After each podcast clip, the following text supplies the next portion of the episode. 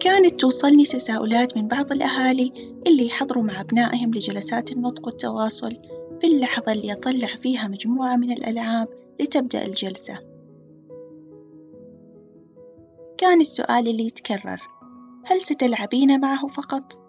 ألن تعلميها كيف تتحدث؟ هل جلساتك كلها لعب؟ معكم ابتسام الوردي وأقدم لكم بودكاست وعي وتربية. ما هو اللعب؟ يعرف اللعب كنشاط ترفيهي بدني أو عقلي يقوم به الفرد لأجل التسلية أو الاستمتاع بدون هدف آخر. ويبدو ظاهره مضيعة للوقت عند بعض الأفراد، فتشتكي الأم مثلًا من أن ابنها يلعب كرة القدم يوميًا مع أصحابه، أو يشتكي الأب بأن ابنته تضيع وقتًا طويلًا في الألعاب التركيبية. الكثير منا مقتنع بأن للعب وقته وللتعلم أو العلاج وقتهما. ولا يمكن للعب أن يطول لأنه أمر ثانوي غير مهم.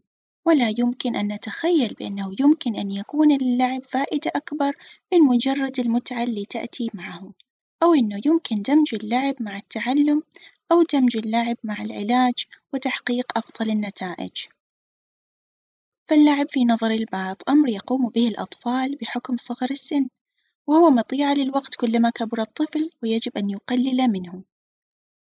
هل فعلًا اللعب مضيعة للوقت؟ في الحقيقة يساهم اللعب في تطوير المهارات الجسدية والعاطفية والاجتماعية والإدراكية ومهارات التخيل والحوار للطفل.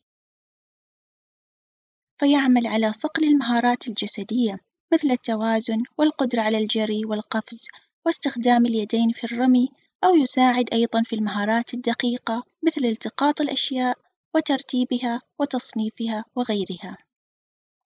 وعبقرية فكرة اللعب تكمن في أنها تمنح من يلعب متنفسًا عاطفيًا، بمعنى أنه وعن طريق اللعب يمكن للأطفال إنشاء عوالم خيالية بها شخصيات وحبكة تتناسب مع حالتهم العاطفية سواء كانت خوف أو غضب أو إحباط أو غيرها، وتساعدهم عندها على التعبير عن مشاعرهم وتنظيمها.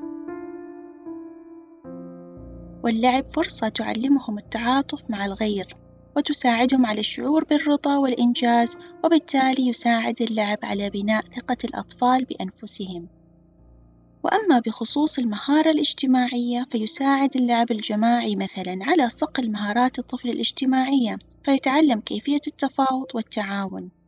ويساعد اللعب على الإقرار بمشاعر الآخرين والاستجابة لها. ويعلم الطفل مهارات الالتزام بالقواعد وكيفية حل النزاعات.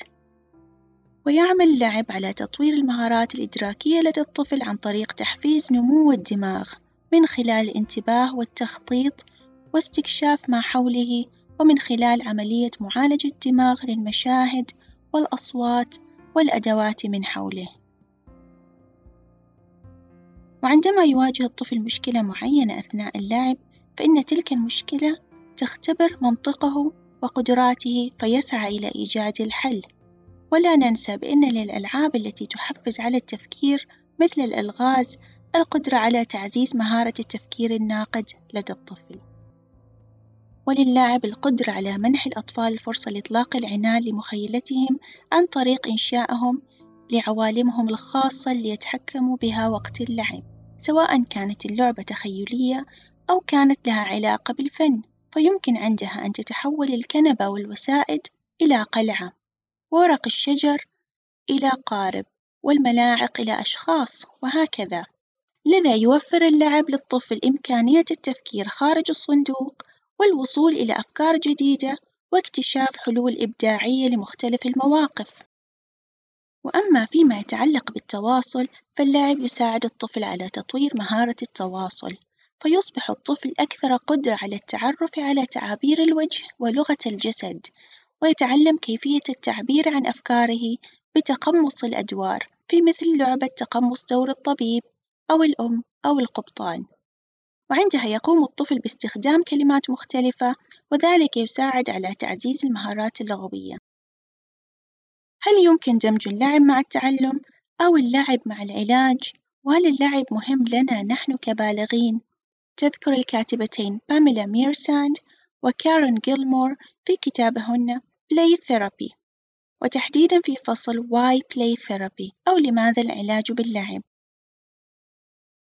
بأنه قد يستخدم الطفل اللعب ليساعده على بناء سيناريو معين يعينه في تنظيم أو فهم تجربة معينة مر بها، بالذات تلك التجارب التي تؤثر على مشاعره، وقد يساعد اللعب أيضًا في تغيير التأثيرات التي يحتمل أن تكون قوية عليه بسبب تجربة ما قد مر بها، مثلًا عندما يستخدم طفل الدمى ليعيد تمثيل سيناريو ترك أمه له عند باب المدرسة وانفصالها عنه لساعات المدرسة، أو تمثيل تجربة الذهاب للطبيب، أو سيناريو وجود طفل رضيع، وهكذا.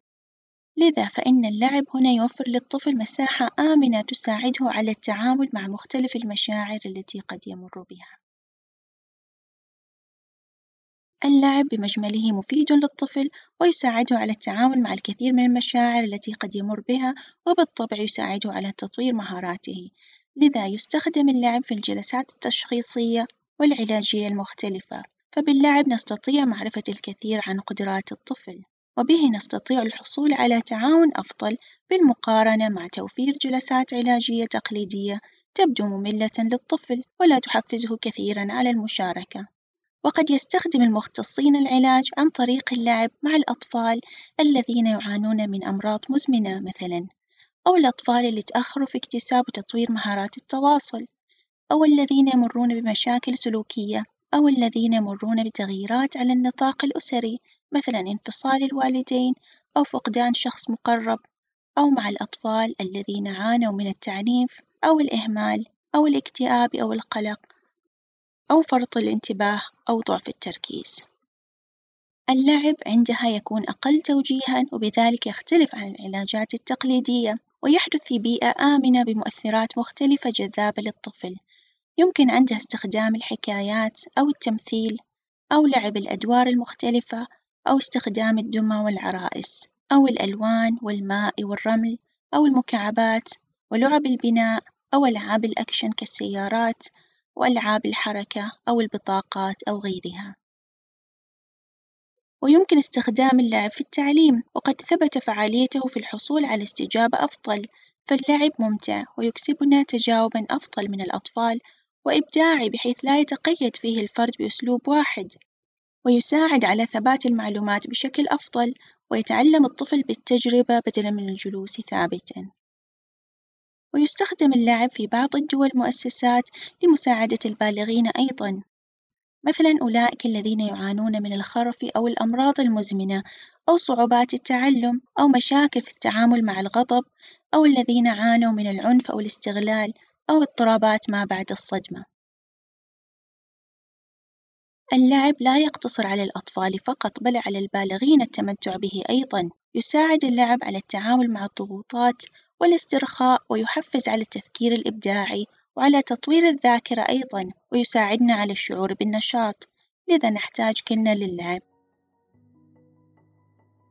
قصرت مدة الوقت اللي يقضيها الطفل في هذا الزمن في اللعب الحر، فأصبح يقضي وقتًا أطول في الدراسة النظامية ومن ثم حل الواجبات، ويستهلك الطفل في هذا الزمن الكثير من وقته وهو يشاهد التلفاز أو يلعب بالألعاب الإلكترونية. لذا علينا العمل على تحفيز أبنائنا نحو اللعب ومشاركتهم كذلك كلما سمحت الفرصة، وتذكر دراسة أن اللعب المشترك بين الأبناء والمربين يساهم في تطوير علاقتهم وتقويتها بشكل أكبر.